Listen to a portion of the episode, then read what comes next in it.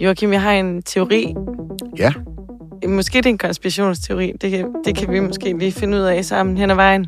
Mm-hmm. Det, jeg, jeg bemærker, jeg noterer mig, at vi i dag skulle have det første interview i det her studie, hvor vi selv skulle stå på mål for noget kritik. Det er rigtigt. Eller, eller Brian skulle. Han er gået lidt, øh, lidt off-road på den her, har etableret et øh, kritisk interview af os selv, uden måske lige at, at nævne det for os først. Ej, men der var fuld opbakning fra vores side. Fuld opbakning, men der, der er jo så sket det, og det, det, var, det var noget, der blev planlagt her i, i sidste uge, hvor at øh, Brian han skulle snakke om hans eget og mediernes ansvar i forhold til at dække racisme. Han, han er jo hvert fald blevet beskyldt for selv at være, altså ikke tage racisme alvorligt. Ja, og det er han af Han Roger var, han var i en. Twitter-debat med Sikander, som Ja, Roger Mathisen så blandede sig i og, og ligesom anklagede Brian for overhovedet ikke at tage racisme alvorligt. Ja, og han er jo aktivistisk inden for, for racisme-problemstillinger, tidligere siddet i Folketinget for Alternativet, og de har så simpelthen etableret, at Han skulle komme herind Mm-hmm. og lave, jeg tror, de kaldte, jeg tror faktisk begge to, de kaldte det for et hard talk interview, Ja, ja. hvor Brian han simpelthen skulle stille op til interviewer om sit eget ansvar for Mm. Mm. racisme i medierne. Og hvad sker der så? Brian, han ligger der nu derhjemme. Ej, jeg kan ikke komme på arbejde i dag, chef. Jeg er Jeg er syg. blevet syg. Ja, fordi der er sket Meget, det. meget, meget helt og aldeles tilfældigt. Præcis. Der er jo simpelthen sket det, at Brian han har sygemeldt sig. Ja. Og jeg ved ikke med dig, men jeg synes, det virker en lille smule belejligt. Du mener altså, at man lige tilfældigvis bliver syg den første gang, man selv som kritisk journalist skal udsættes for et kritisk interview? Altså, jeg siger ikke, at, at der er en sammenhæng. Jeg siger bare, at det ser lidt mistænkeligt ud. Vi siger ikke, der er en sammenhæng. Det eneste, vi siger, det er, at det er der. Ja, og det kan godt være, at han også var syg mandag og tirsdag. Men det kan jo sagtens være, altså han, måske han bare gået all in på at dække over, at, at han simpelthen vil undgå det interview i dag. Hvad tænker du? Nej, jeg har faktisk talt med Brian, og jeg kan garantere, at han er vidderligt, vidderligt syg. Ja, Han jeg, har det ikke godt. Jeg, jeg er stadig ikke helt sikker, men, øh, men Ja, Jeg er 100 procent. Han er virkelig, virkelig syg. Det irriterer ham grænseløst. Ja, men så, så Og, jeg tror også godt, vi kan også sige nu, øh, vi får øh, Roger Mathisen i, i studiet til, et, til en hard talk med Brian. En anden god gang. En anden førstkommende øh, lejlighed. godt, så siger vi det. Du lytter til podcasten Ingen Kommentar. I studiet er Joachim B. Olsen Det her, det handler om politik. og Emma Bus. Nu skal vi lige være lidt seriøse i gang. Jeg har ikke yderligere kommentar. Vi vil ælde dem Det ville være en kæmpe sejr, hvis det kunne lykkes. og modellere dem og blive ved, Brian, helt ærligt, er det ikke for dumt? indtil der kommer et svar. Og så i mellemtiden, så siger jeg, kom så. Please. Hold fast. Øh, nå, men vi, øh, vi tager øh, styringen på programmet i dag, og, øh, og der er jo der er sket noget helt nyt i en efterhånden meget gammel sag. Tibet-sagen hedder den. Det er der. øh, noget helt nyt, faktisk. Fordi der er, en, øh, der er jo en beretning på vej fra, øh, fra den her undersøgelseskommission, der ligesom undersøger hele det her forløb. Faktisk øh, anden kommission i, øh, i, i den her sag. Og øh, derfor har vi inviteret Thomas Fugt med i studiet, der Det har ligesom kan... Øh, der har fået opsnappet nogle af de konklusioner, der er på vej. Men jeg ved ikke, kan man på nogen måde opsummere øh, bare sådan helt kort? Det er jo en sag, der har bredt sig over ja, et år 10 nu, ikke? Ja, jeg ved ikke, hvor lang tid jeg har.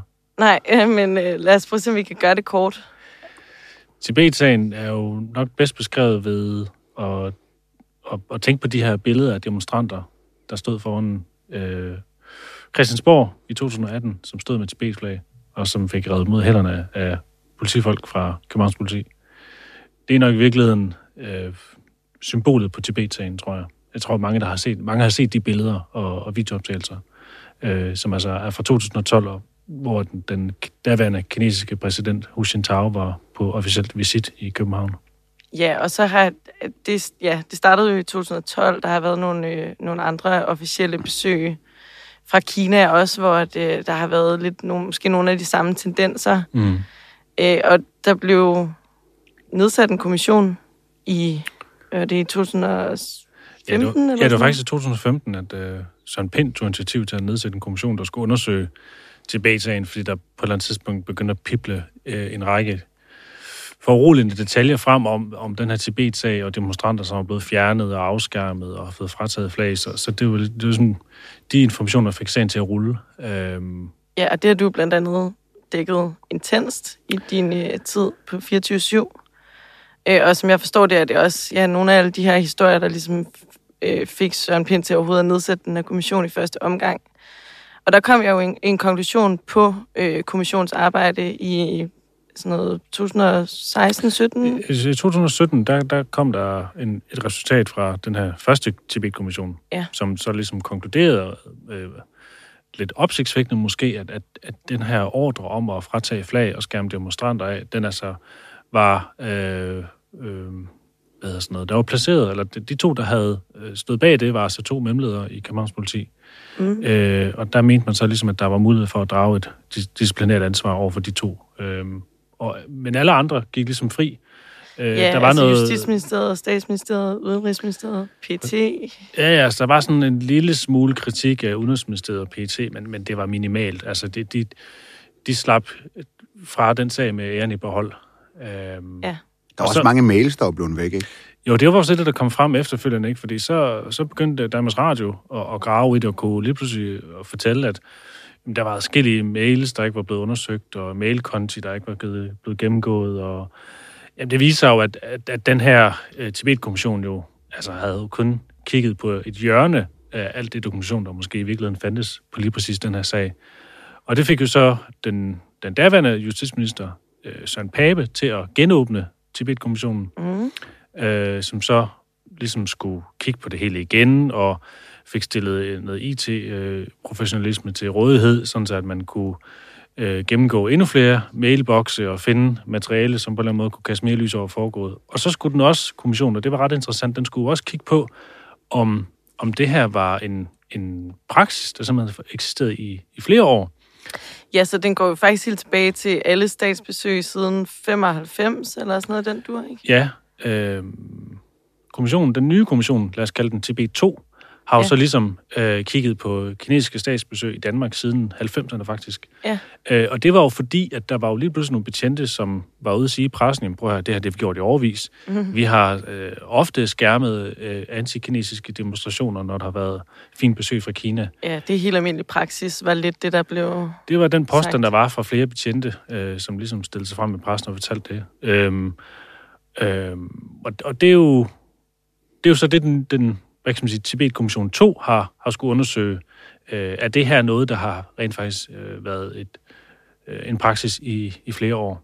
Ja, og hvor man så måske også er gået grundigere ned i de, altså de ting, der blev undersøgt i den første kommission, altså med nogle af, nogle af alle de ting, som ligesom ikke, ikke kom frem i den første kommission. Ja, fordi der er jo så sket det, at man også har fundet nogle, nogle magnetbånd, altså med, med, med mails, som simpelthen mm. var, var kasseret og, og smidt i en container, sådan som jeg husker det. øh, og man har nu også undersøgt øh, mails hos de medarbejdere, som var stoppet.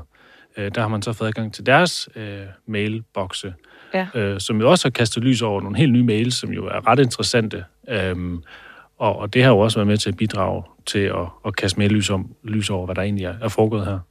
Ja, og inden vi så måske lige hopper videre til det nye, øh, den historie, du havde i avisen i går, øh, så kan, man, kan du opriste lige, hvem er det præcis, der sidder i den her kommission? Hvem er det, der foretager det her stykke arbejde?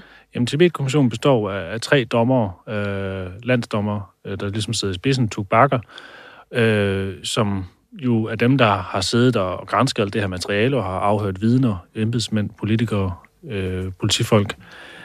Um, og så har de jo så i den her omgang, øh, øh, hvilket nok er ganske fint, fået stillet en masse IT, øh, øh, IT-eksperter til rådighed, som kan hjælpe dem med at udfinde alt det her materiale, som, som man nu engang skulle kigge på. Um, så det er jo, det er jo en, hvad kan man sige, en klassisk øh, kommissionsstruktur, øh, at man ligesom har nogle jurister, der sidder og undersøger noget materiale, og så er der nogle retsområder med, med afhøring af viden og så videre. Man tænker jo unægteligt på min kommissionen, som, øh, som også arbejder lige nu. Du har så fået opsnappet nogle af de her konklusioner, der er på vej øh, mm. i den her nye redegørelse, der kommer fra kommissionen. Ja, men altså, jeg har fulgt den her sag nu i snart seks år, sådan on and off, øh, så jeg er jo helt, hvad kan man sige, naturligt interesseret i, hvad der, hvad der foregår, og hvad, mm. hvordan den her sag bliver behandlet, og hvad, hvad sker der inde i den. Øhm, og var også til, til nogle af, af, af afhøringerne sidste år, da de foregik øh, ved retten i Frederiksberg. Øhm, så jeg interesserer mig for sagen, og, og, taler selvfølgelig med forskellige mennesker, som er involveret i den på forskellige vis. Øh, og, og, og der har jeg så ligesom fornemmet, at, at nu er der noget, øh, nu er der en beretning på vej. Mm. Øh, og det har kommissionen sådan set også oplyst selv øh, via sin hjemmeside, at øh, man regner med, at den samlede beretning faktisk ligger klar her i slutningen af marts. Men i sidste ende er det faktisk Justitsministeriet, der bestemmer, øh, hvornår den skal offentliggøres. Men der er så så opsnappet, at, øh, at øh, det, man kan forvente med den nye rapport, det er altså, at PET og Udenrigsministeriet den her gang øh, får nogle ordentlige hug. Øh, og det er interessant, fordi man på den måde faktisk, hvad kan man sige, smører ansvaret mere ud, end det har været hidtil. Ja. Øhm, som jeg sagde før, så er det jo primært to mellemledere fra Københavns Politi, der har, der har fået ørerne af maskinen i den her sag her, ikke? Og, og det er ja. dem, som, som, som nu er blevet udpeget som, som søndebukke i ja, hele Tibet-sagen. Ja, duben, ikke? Altså den, den uafhængige politi jo, og, jo, jo, og de er jo sådan set også lige nu faktisk tiltalt øh, ja. i, i sagen, ikke? Øhm, øh, den sag er så sparket lidt til hjørne, øh, mens at kommissionen øh, færdiggør sit arbejde. Men, men nu er det altså ikke kun Københavns politi, som er de ansvarlige her. Nu, nu går man skridt videre i den her nye kommission, øhm, og peger sådan set også på, at PET og Udenrigsministeriet har været øh, ret drivende i at imødekomme de her kinesiske ønsker om at, at afskærme demonstranter. Øhm, det, man skal forstå, det er, at når der har været de her mange forskellige statsbesøg fra Kina øh, i Danmark i de senere år, så går der jo altid et stort planlægningsarbejde forud, hvor ja. man fra Udenrigsministeriets side holder møder med, med diplomater fra Kina og fra især den kinesiske ambassade her i København, og nogle gange kommer der en sådan sending af, af kinesiske embedsmænd fra Kina til Danmark for at, at planlægge de her møder her. Øhm, og der, der ved vi fra mails, at øh, kineserne i flere omgange, hver gang der har været besøg, har lagt meget stor vægt på, at, øh, at, at kineserne ikke bliver generet eller taber ansigt, når, når man ligesom er på cortege rundt omkring i byen, og, hvor man kunne møde antikinesiske demonstranter. Gud fra, det var dig, der lavede de afsløringer med, men endda også har været ude og få fjernet graffiti, og altså, vi taler sådan helt ned i detaljerne, ja. gør alt for ja, lige præcis. Altså, at skjule alt modstand. Det, du taler om, det var i, jeg tror, det var, det var i 2012 inden statsbesøget. Der var, der var der jo øh, demonstranter, der havde været ude at tegne øh, med, med kridt ud på, på vejene, på den rute, oh, hvor ja. præsidenten skulle køre, hvor man har skrevet free to bed. Ja. Øh, og det opdagede man så fra, fra myndighedernes side, og så kørte man altså ud tidlig morgen øh, i de her hollændervogne med en medarbejder for ISS, og så spulede man altså de her veje rene, øh, sådan så der ikke var, var, var kridt på vejene. Øh, og det er et eksempel på, på en måde, hvor man ligesom har imødekommet kineserne i forhold til, at de ikke skulle, skulle møde de her øh, slagord. Ja. Øhm, så det har været en fast praksis, at kineserne, det, det er en kendt sag, at de går meget op i, og, i ære og, og så videre, og værdighed. Mm. Og der har man så fra Udenrigsministeriets side selvfølgelig sagt, jamen, prøv at høre, vi har altså en, en grundlovssikret ret til at ytre og forsamle os. Vi kan ikke uh, bare pakke demonstranter væk. Uh, det gør man med i Kina, men det kan vi altså ikke i Danmark. Det har man siddet og sagt på møder over ja. med kineserne. Men så har man altså, så at sige, talt med to tunger, fordi og samtidig har man altså så øh, signaleret i systemet bagud, at, øh, at man skulle altså gerne se, hvad man kunne gøre for at, at, at imødekomme de her kinesiske krav, når der nu var, var statsbesøg. Ja, nu nævner du Udenrigsministeriet og PET, at, at pilen peger lidt i den retning også nu ja. i, den, i den nye øh, beretning. Kan man komme ind på mere præcist, hvad det er, de har gjort? Vi kan ikke sådan rigtig sige mere præcist, hvad det er, men altså, det, der er interessant, det var, at i den første kommission, der, der var man lidt mere øh, vag i sin konklusion om, hvad Udenrigsministeriet PT egentlig havde gjort. Jeg tror, beret, i beretningen, der stod der dengang, at Udenrigsministeriet og PT bidrog til en stemning, som mm. forplantede sig hos Københavns politi. Mm. Den her gang, der går man altså skridtet videre og siger, at, at, at de har været øh, nøgleaktører i forhold til at imødekomme de her krav, og, og at man har på møder og i telefonsamtaler øh, gjort det klart, at at øh, hvis man skulle imødekomme de her krav fra, fra Kinas side.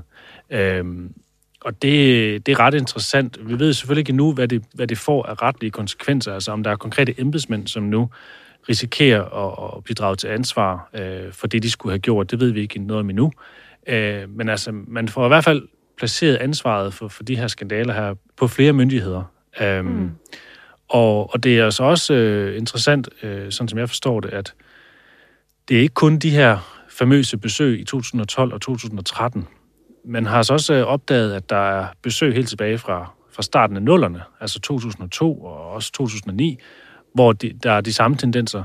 Øh, I 2002 var der en premierminister fra Kina, der var på besøg i Danmark, og han boede på Radisson Hotel. Og øh, der var altså demonstranter, der blev gemt væk bag en hæk øh, af politiet. Øh, bag en hæk? Bag en hæk, simpelthen. øh, og det var for, at øh, igen, at øh, den kinesiske delegation ikke skulle, skulle få øje på de her demonstranter her. Og det var igen noget, der var orkestreret fra, fra, fra højere instanser. Øh, samme gælder for 2009, hvor der var klimatopmøde i København, og hvor man igen havde en, en masse diskussioner på forhånd om, hvordan man skulle håndtere de her øh, øh, Kina-kritiske demonstranter. Og øh, der er for eksempel fremkommet en, en rigtig interessant mail i TB-kommissionen 2, øh, hvor der faktisk står øh, sort på hvidt, at der er en, en, øh, en medarbejder i Udenrigsministeriet, der skriver til en, til en kollega om, at øh, vi plejer jo at aftale med politiet om, at øh, vi skal afskærme de her demonstranter, eller køre en cortege ind foran. Øh, så, så det virker til, at det simpelthen har været en, en praksis i overvis, at man har imødekommet øh, Kinas ønsker øh, på det her felt. Og Joachim, altså, der, der er mange ting i det her. Der, der er både PT, hvor der ligger nogle andre øh, skandaler lige nu også, og Lars Finsen, der kun lige er kommet ud af, af fængslet. Hvad, hvad tænker du om hele det her? Hvad, hvad er det for en sag, sådan rent politisk? Jamen, det her, det er en... Altså, det er, hvis jeg skal sætte det perspektiv, så vil jeg sige, at den her sag er i virkeligheden mere alvorlig end øh, Mink-sagen. Fordi man siger, at Mink-sagen er alvorlig, men den handlede, som jo dybest set handler om, at man gennemfører noget lovgivning, uden at have hjemmel til det. Men man må også sige, at den lovgivning var blevet gennemført alligevel. Ja. Øh, og der var en krise og så videre. Det er en meget alvorlig sag. Men den her sag, den er vidderligt mere alvorligt, fordi det jo handler om, at der er nogle rettigheder, som bliver trådt fuldstændig under fodet af myndighederne. Altså politiet, der hiver flag ud af hænderne på demonstranter. Altså det er nogle helt grundlæggende rettigheder, vi har som borgere til at ytre os, øh, som bliver trådt under fodet af hensyn til nogle erhvervsinteresser i et eller andet. Meget, meget alvorlig sag. Og så er den et eksempel på, øh, at, øh, at de her kommissioner, vi kan igen sammenligne lidt med Mink, hvor man har en grænsningskommission nedsat af Folketinget, øh, som kører over 12 måneder. Og vi får ret hurtigt svar og kommer igennem øh, sagen. Øh, jeg tror, de fleste vil mene, at det har været en ret stor succes med den her nye undersøgelsesform.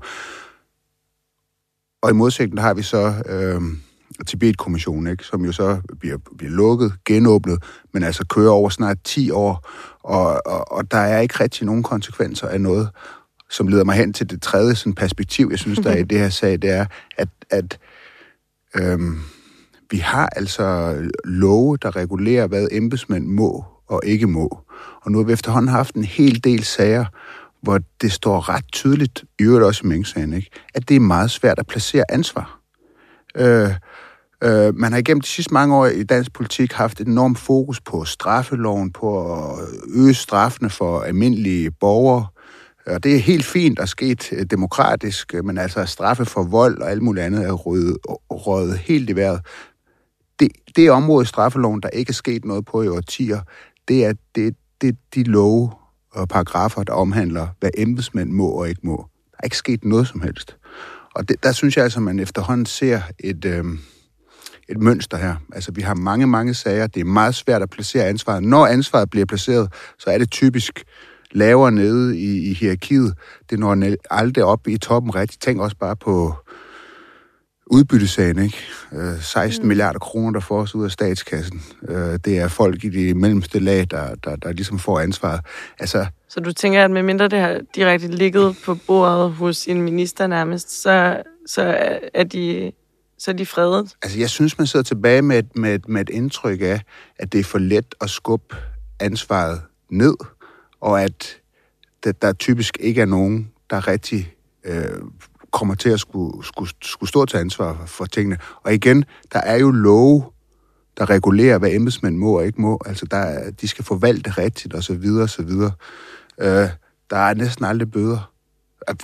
Nu skal bare lige helt meget godt og meget hurtigt. Tænk på sådan noget som er børnesager. Ikke? Københavns Kommune, man har lavet undersøgelser.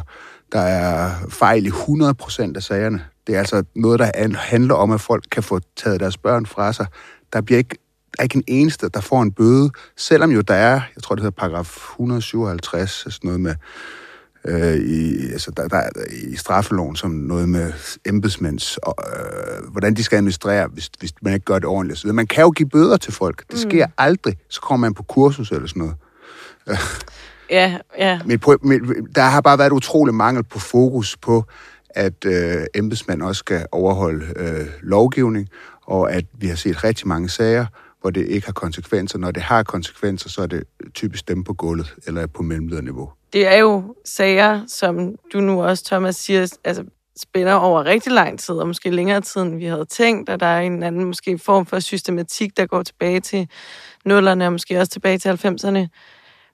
Så det, det, dermed spænder det også over rigtig mange regeringer og mange justitsministre, og hvis den, altså, hvis den her beretning ender med at, at give hug til, til nogle embedsværk og generelt pege lidt mere opad, i stedet for ned på, øh, på de her to politifolk, hvem er det her så en dårlig sag for? Jamen altså, det startede jo i 2012, ikke? Og der er det Morten Bødskov, der er justitsminister. Men, men, men, men, men du har også en meget væsentlig pointe, fordi det er også helt klassisk, at når en sag kommer til at ligesom løbe hen over flere regeringer, så går der rigtig skud og mudder i den, fordi så er der pludselig heller ikke nogen øh, interesser på begge sider af hegnet, altså de store regeringspartier, for måske rigtig at komme til bunds. Nej, og hvad med, altså, som jeg også nævnte tidligere, der er nogle andre PT-sager lige nu, og altså, vi, har jo selv afdækket nogle, øh, også hos FE, og, og altså, det er generelt rod i, i de her efterretningstjenester, ser det ud til. Jamen, der har jo Kan været, det der har jo ligesom været utro- forstærke den? Jo, men der har jo været utrolig mange sager, må man jo sige. Mm. Øh, igennem de senere år, og Shaft og så videre. Altså, øh, så ja, hvad, hvad skal jeg sige? Det, det, det ser jo noget, ro- unægteligt noget rodet øh, ud. Mm. Og Thomas, bare lige her til sidst. Nu, du siger, at øh, de forventer at være helt færdige med arbejdet her øh, i slutningen af første kvartal, tror jeg, Mm. det hedder. Så det må være her i marts. Øh, hvordan, og, og Justitsministeriet ligesom er dem, der, der, der bestemmer, hvornår de rent faktisk kommer frem. Kommer der til at ligge en, en fuldstændig rapport, som alle kan læse, eller... Ja, det er i hvert fald det, de øh, har lagt op til, og det er også det, de gjorde sidst, at der, der kommer ligesom en beretning i ja, både elektronisk og fysisk form, hvis man vil have det, øh, som, som gengiver øh, hele baggrunden for kommissionen, hvad de forskellige afhørte har udtalt i, i, i retten, og hvad øh, kommissionens øh, vurderinger og konklusioner er øh, på baggrund af, af hele arbejdet. Så, så, så der kommer vi formentlig til at få endnu flere detaljer på, hvad, hvad, hvad kommissionen mener, der, der kan ske nu, og hvem der kan, måske kan drages til ansvar for noget. Øh, Mm. Det er jo også ret interessant. Og så kommer der nogle samråd, eller ved du, hvad de næste Nej, skridt ikke bliver? nødvendigvis. Altså, det, der jo skete sidst, det var, at, øh, at der kom en beretning, og der var så ligesom to mellemledere, som man vurderede, at de kunne drages til ansvar. Øh, og, og det er jo så øh, op til øh, anklagemyndigheden øh, at finde ud af, hvad der, hvad der skal ske i forhold til... til altså, om anklagemyndigheden kommer til at, at ændre på, på den sag, øh, set i lyset af, hvad kommissionen kommer til at konkludere.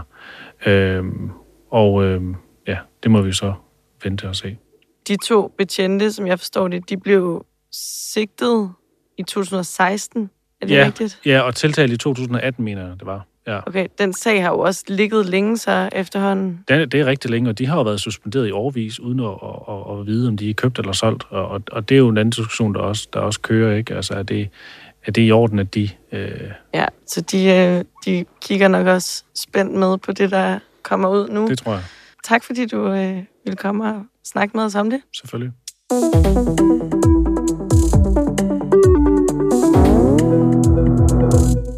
Nå, Joachim, Ja. ja. vi, jeg føler, vi sidder ved sådan en Putin-bord i dag, faktisk. Der, der er øh, sådan noget tre meter ned til dig lige nu, tror jeg, fordi vi kun er to i det her studie. Det er dig, der er Putin. Det er dig, der er Putin? Det er dig, der er Putin. Nå, ja, jeg er Putin. Jamen, det vil jeg gerne gå med på. øhm, eller det vil jeg faktisk ikke. Det vil jeg faktisk slet ikke. Men øh, vi skal jo vi skal snakke om en masse ting. Der er sket en masse politiske ting. Det må man sige. Øh, alt sammen i samme tematik, Ja. men nogle store ting. Mm-hmm. Der er blevet lavet et, jeg tror, kalder man det et nationalt kompromis? Det må man sige, der er. Der er lavet et nationalt kompromis mellem regering, V, K og SF og Radikale, Ja. øh, som jo handler om, at man vil øh, nu leve op til det, man lovede NATO i 2014, nemlig at øh, forsvarsudgifterne de skal udgøre 2% af, af BNP. Og at vi nu skal med forsvarsforbeholdet og skal tage afstemning den 1. juni. Så det er jo store, det er jo store ting. Det må Ja. man sige. Okay, bare lige, lige inden vi øh, lige går videre i det her, hvad, hvad, hvad, undskyld, hvad fanden betyder et nationalt kompromis? Altså er det bare et forlig, eller jeg, jeg synes ikke rigtigt, jeg har stødt på den betegnelse før. Hvad, hvad, Ja, men det er, vel, det er vel sådan, det er jo et udtryk for, at det netop er hen over midten, øh, at, at, at øh, partierne de ligesom finder sammen, øh, og det lyder jo også storladent og så videre. Du har egentlig ret.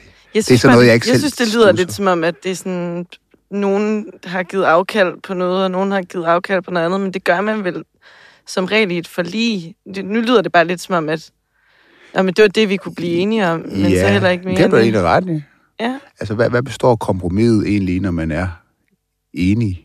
ja, det er rigtigt, det er godt tænkt. det kan vi lige Ja, det er jo nok over. for at give det sådan et, øh, at det skal være lidt storladent og, og så videre. Og så Ja, det kan godt kalder være, det bare mig, jeg får kalder lidt... man det. den Nej, nej, det er da godt. Det er da egentlig godt tænkt. Nå, men det, det er jo sådan set også bare en, en, en meget lille ting. Der er jo det her, ja, øh, den her NATO-målsætning, som man skal leve op til, og så er der den her afstemning om øh, afskaffelsen af forsvarsforbeholdet. Lynhurtigt, Joachim, hvad er forsvarsforbeholdet? Jamen, øh, det er jo et af vores øh, fire forbehold, forbehold, som vi har, har haft siden 92. Øh, retsforbeholdet, som jo var til afstemning i, for nogle år siden, hvor det blev et nej. Så har vi jo vores euroforbehold. Så har vi også et, sådan et unionsborgerskab forhold, som ikke betyder noget som helst for i senere traktater. Der, der, der har alle lande faktisk det forbehold, at nationale øh, nationalt borgerskab har forrang for alt andet, så det er et ret ligegyldigt forbehold. Og så har vi altså så det her forsvarsforbehold, og øh, ja, det betyder jo, at der, men det er vigtigt lige at holde sig fast her, at øh, der er noget i EU, der er overstatsligt, og så er der noget, der er mellemstatsligt, og, og, og sikkerheds, forsvars- og sikkerhedsarbejde i samarbejdet i EU, det er mellemstatsligt. Så det betyder altså, at øh, EU øh, har et forsvarssamarbejde. Øh, det har mest givet sig udtryk i, at man har haft nogle forskellige sådan, fredsbevarende missioner i Afrika og så videre. Øh, Men det er altså frivilligt, om landene, øh, der er med i det samarbejde, vil deltage, altså sende tropper. Mm. Så, så der er ikke tale om, at man ligesom kan at EU kan sige, Danmark I skal, eller hvilket som helst andet land skal stille med x antal soldater øh, og så videre. Så det er et mellemstatsligt øh, samarbejde. Øh, hvad er forskellen på, om, altså helt praktisk, hvad er forskellen på at have forbeholdet og ikke have forbeholdet? Ja, det bliver jo en stor øh, del af diskussionen op til den 1. juni, fordi for en måned siden, der sagde øh, øh, Jeppe Kofod, forbeholdet har ingen, gør ingen forskel i forhold til, at Danmark kan føre den øh, forsvars- og sikkerhedspolitik, som vi ønsker.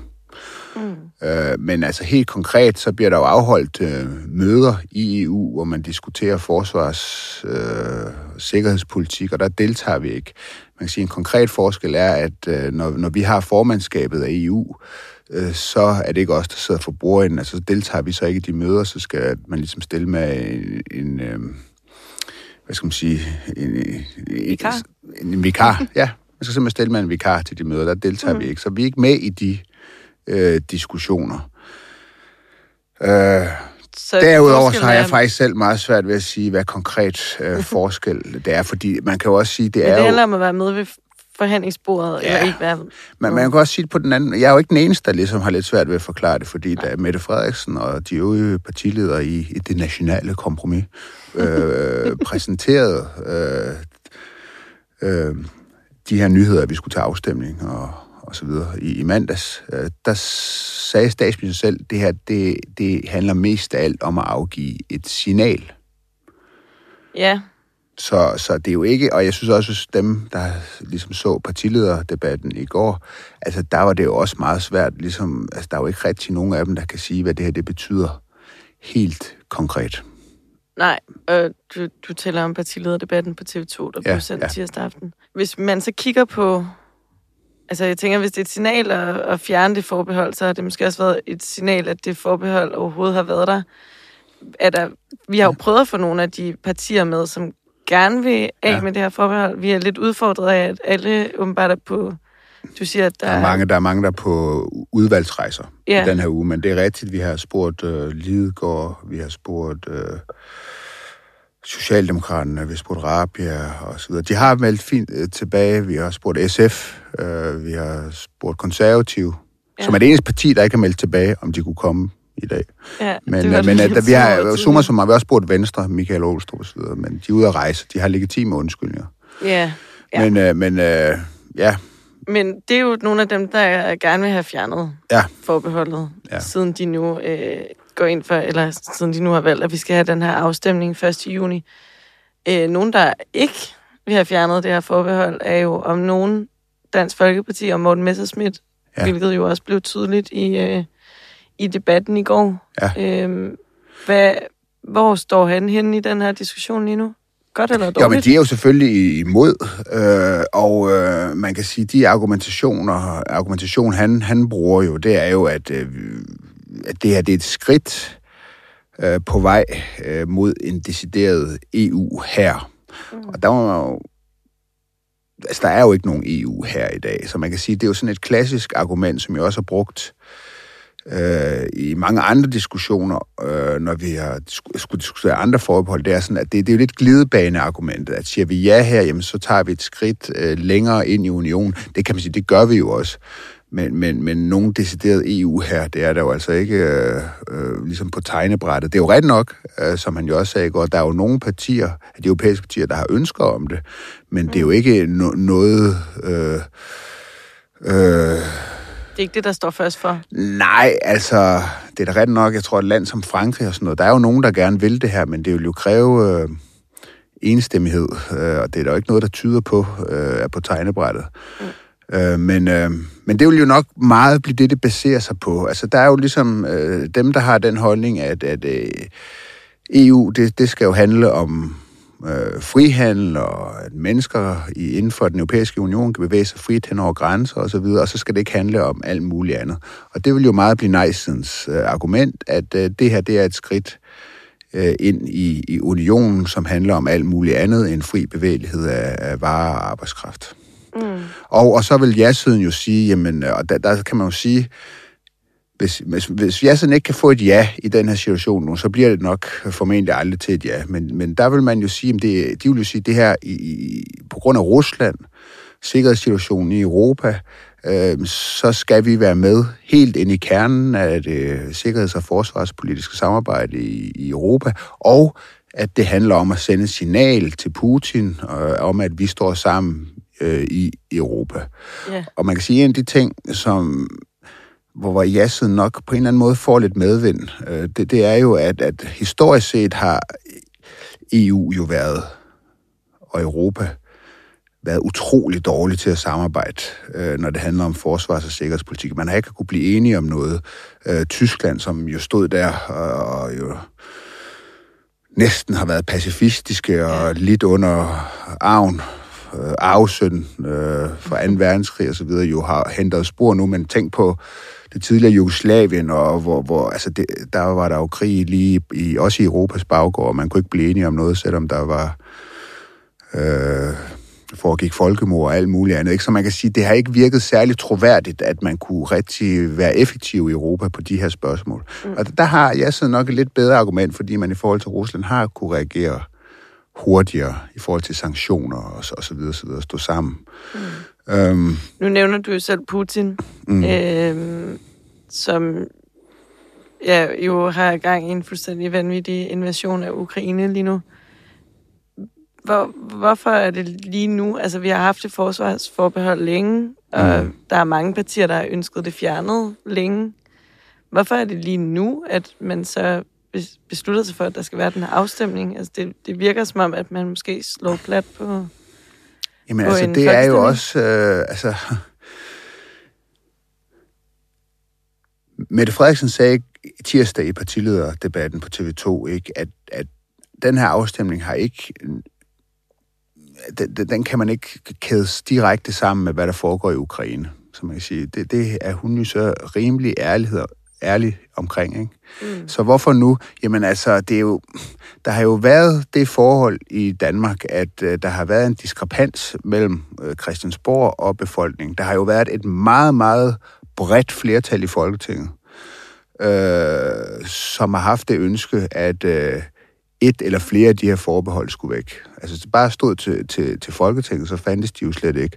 Og der har partierne jo så været ude af trit med deres øh, egne vælgere og den danske befolkning, som jo har stået ret fast på de her forbehold. Mm. Og, og, og jeg, altså, du, kan- det er svært at tolke anderledes, end at man nu på Christiansborg tænker, at nu har man en mulighed. Altså, du får ikke en bedre mulighed end det her. Forsvars- og sikkerhedspolitik, det står meget højt på den politiske dagsorden, hvilket det sjældent gør, og derfor mm. så er der en mulighed for, at ja nu...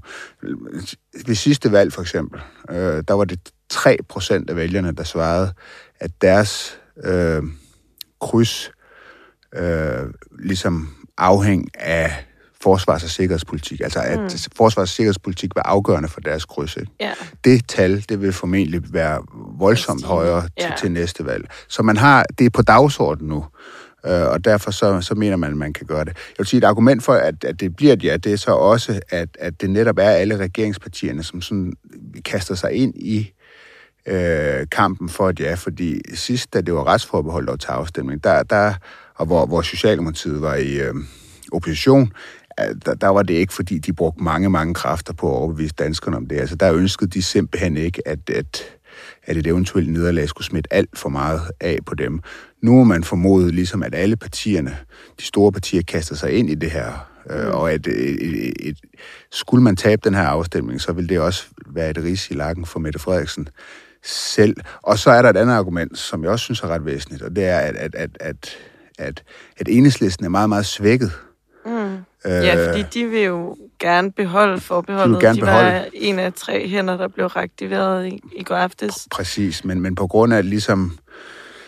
Øh, øh, på, på, grund, på grund af, af den situation, enhedslisten står lige nu, hvor, hvor der simpelthen er sået tvivl om partiets, sådan, hvad skal vi kalde det, forsvarsvillighed af Europa, øh, at øh, der har været det her sådan Rusland-apologi, altså deres bagland jo har været ude og ligesom øh, øh, komme med undskyldninger på, på, på Putins vegne, mm. og i virkeligheden give øh, NATO skylden for den her konflikt. Delvist altså bare lige, fald, bare lige et ja. eksempel, så den allerførste demonstration, som enhedslisten arrangerer, øh, det er jo en demonstration foran den amerikanske ambassade. I Ja, forbindelse blandt med den andet for krig. den amerikanske ambassade. Ja, jo, nej, det, det er fra den amerikanske Okay. ambassade, den for deres udenrigspolitiske øh, udvalg, tror jeg det er, som Ja. ja. ligesom er medlemmer af enhedslisten. Ja, hvor ham Hertoft, han øh, sidder... Og så skal du... Og der, der, må sige, der ligger det jo meget dybt i enhedslisten, at man er imod øh, NATO, den her alliance af kapitalistiske lande, og det kan man, det vil man ikke... Og den gamle fjende jo, for, for i hvert fald de gamle i enhedslisten, ikke? Altså, det, er der er NATO den gamle fjende, og man er vant til, at det ligger på ryggraden og undskyld for, for Rusland og så videre, ikke? Øh, Og, og det de er kæmper de jo svækket lige alvorligt, alvorligt med i enhedslisten lige nu. Ja, og og derfor de- de er altså også svækket i den her diskussion, og det er jo meget svært. Altså, jeg tror, de fleste danskere går lige rundt til, okay, det er en ny situation, der er en, en, et øget trusselsniveau, og det er meget svært at argumentere for, at vi ikke skulle ligesom styrke vores forsvar øh, nationalt og i Europa. Øh, det, bliver- det, den bliver altså sværere øh, at, at, at hive hjem end, end, end tidligere. Og så, nu, jeg hører dig sige, at du, du tror, at det bliver et ja til at afskaffe forbeholdet? Ja, det, vil være, det, det, det, det, tror jeg, det bliver den her gang. Altså, øh, Hvor, hvor stor en procentdel kommer Jeg- til at stemme for afskaffelsen? nu, jeg sige, nu er det første målinger har været der. De har så vist, at øh, Jeg vil 5, gerne høre, hvad du tænker. jamen, jeg, jeg tror, det bliver sådan noget 55, 45 eller sådan noget. For, at ja, det vil være mit Okay, bud. så det er ikke sådan, det er ikke sådan fuldstændig overvældende. Nej, det er jo sådan ret, det er alligevel ret massivt, ja, ikke? Jo. Altså, men, men, men nu de første målinger, der har været, det viser sig så, vi, viser, at det er 55 procent af danskerne, der vil sige ja, 23 procent, som øh, vil sige nej, og så er der en gruppe, der er uafklaret. Mm. Øh, og jeg tror, man kunne... Altså, jeg, jeg finder det ikke ret sandsynligt, at, at de så alle sammen falder i nej-sidens øh, øh, løg, øh, vægtskål. Øh, mm. så, så, men det, nej-siden kommer til at vokse. Og, og, og, sige, der er også en masse mænder i det her. Altså, fordi mm. det er altid sådan, den var også med retsforbeholdet, hver eneste gang, vi skal til en EU-afstemning, så viser de første målinger, at det bliver et ja. Og så vinder nej-siden ind. Det er meget, meget nemmere at være på nej-siden rent argumentationsmæssigt. Altså, det er meget nemmere at argumentere for et nej, fordi at sådan helt klassisk, vi ved, hvad vi har nu, Hmm. vi, der er en usikkerhed om, hvad betyder det her, altså hele glidebaneargument, er vi på vej mod en EU her, kan man risikere, at danske soldater skal sendes øh, ud i en konflikt øh, og ledet bestemt af EU udenom det danske folketing. Sådan noget. Det er jo overhovedet ikke det, der er på bordet. Men det er jo, hvad skal man sige, nemt at argumentere for, at det kan ske, og siger vi ja til det her, så er vi et skridt nærmere det. Selvom det, det er som sagt overhovedet ikke er det, der er på bordet, så er det et, øh, altså det er et ret... Altså, og, og, kan du sætte en tvivl i folk, jamen, så siger folk øh, nej. Præcis som hvis du gik ned til mm. din bankrådgiver og ligesom sagde, du ved, man, jamen bare sige... Du, du vil heller ikke bare sige ja, hvis du ikke rigtig vidste, hvad det var, du sagde ja til. Mm-mm. Det er lidt det samme her, ikke? Ja. Ja. nu nævnte jeg lige enhedslisten, sige, mm. men så er der så Morten Messerschmidt, og der vil jeg så sige, det er hans, det var faktisk det, du startede med at spørge om, Øh, det er hans store chance der. Altså nu, han Ja, ja, er stærk i de her debatter. Ja. Han er dygtig i de her debatter, og han kommer til at være den fremmeste, nok også mest eksponerede øh, repræsentant for nej-siden, og som ny formand af DF, et parti, der er mere eller mindre i nedsmeltning. Altså, der er det virkelig, virkelig hans chance. Man kunne også se i, i går, tirsdag, at øh, i partilederrunden, altså Mette Frederiksen vil ikke ind i en øh, infight med ham på det her spørgsmål. Mm. Så det er hans store chance. Men, men 2% øh, målsætninger, det er, der nu skal bruges øh, 18 milliarder mere. Hvis vi lige skal sætte det i perspektiv, ikke, så svarer det til øh, kompensation til minkavlerne hvert eneste år i al fremtid. Det Ja, er to gange dansk politi, fem gange Arne pension. Ja. Og ligger det ud over det, man normalt Og det er at det, vi skal bruge mere Ja, hver eneste år. ja 18 milliarder, som Ja. jeg forstår det. Ja. Jamen, øh, med de ord tænker jeg, at øh, det var det for i dag, medmindre du har Nej, noget, du lige vil af med. glæder os til at have Brian tilbage. Ja, når jeg lige har fået samlet og mod. håber, vi kan få stablet et, et, et, en hard talk på benene til på onsdag mellem Brian Weikart og Roger Mathisen.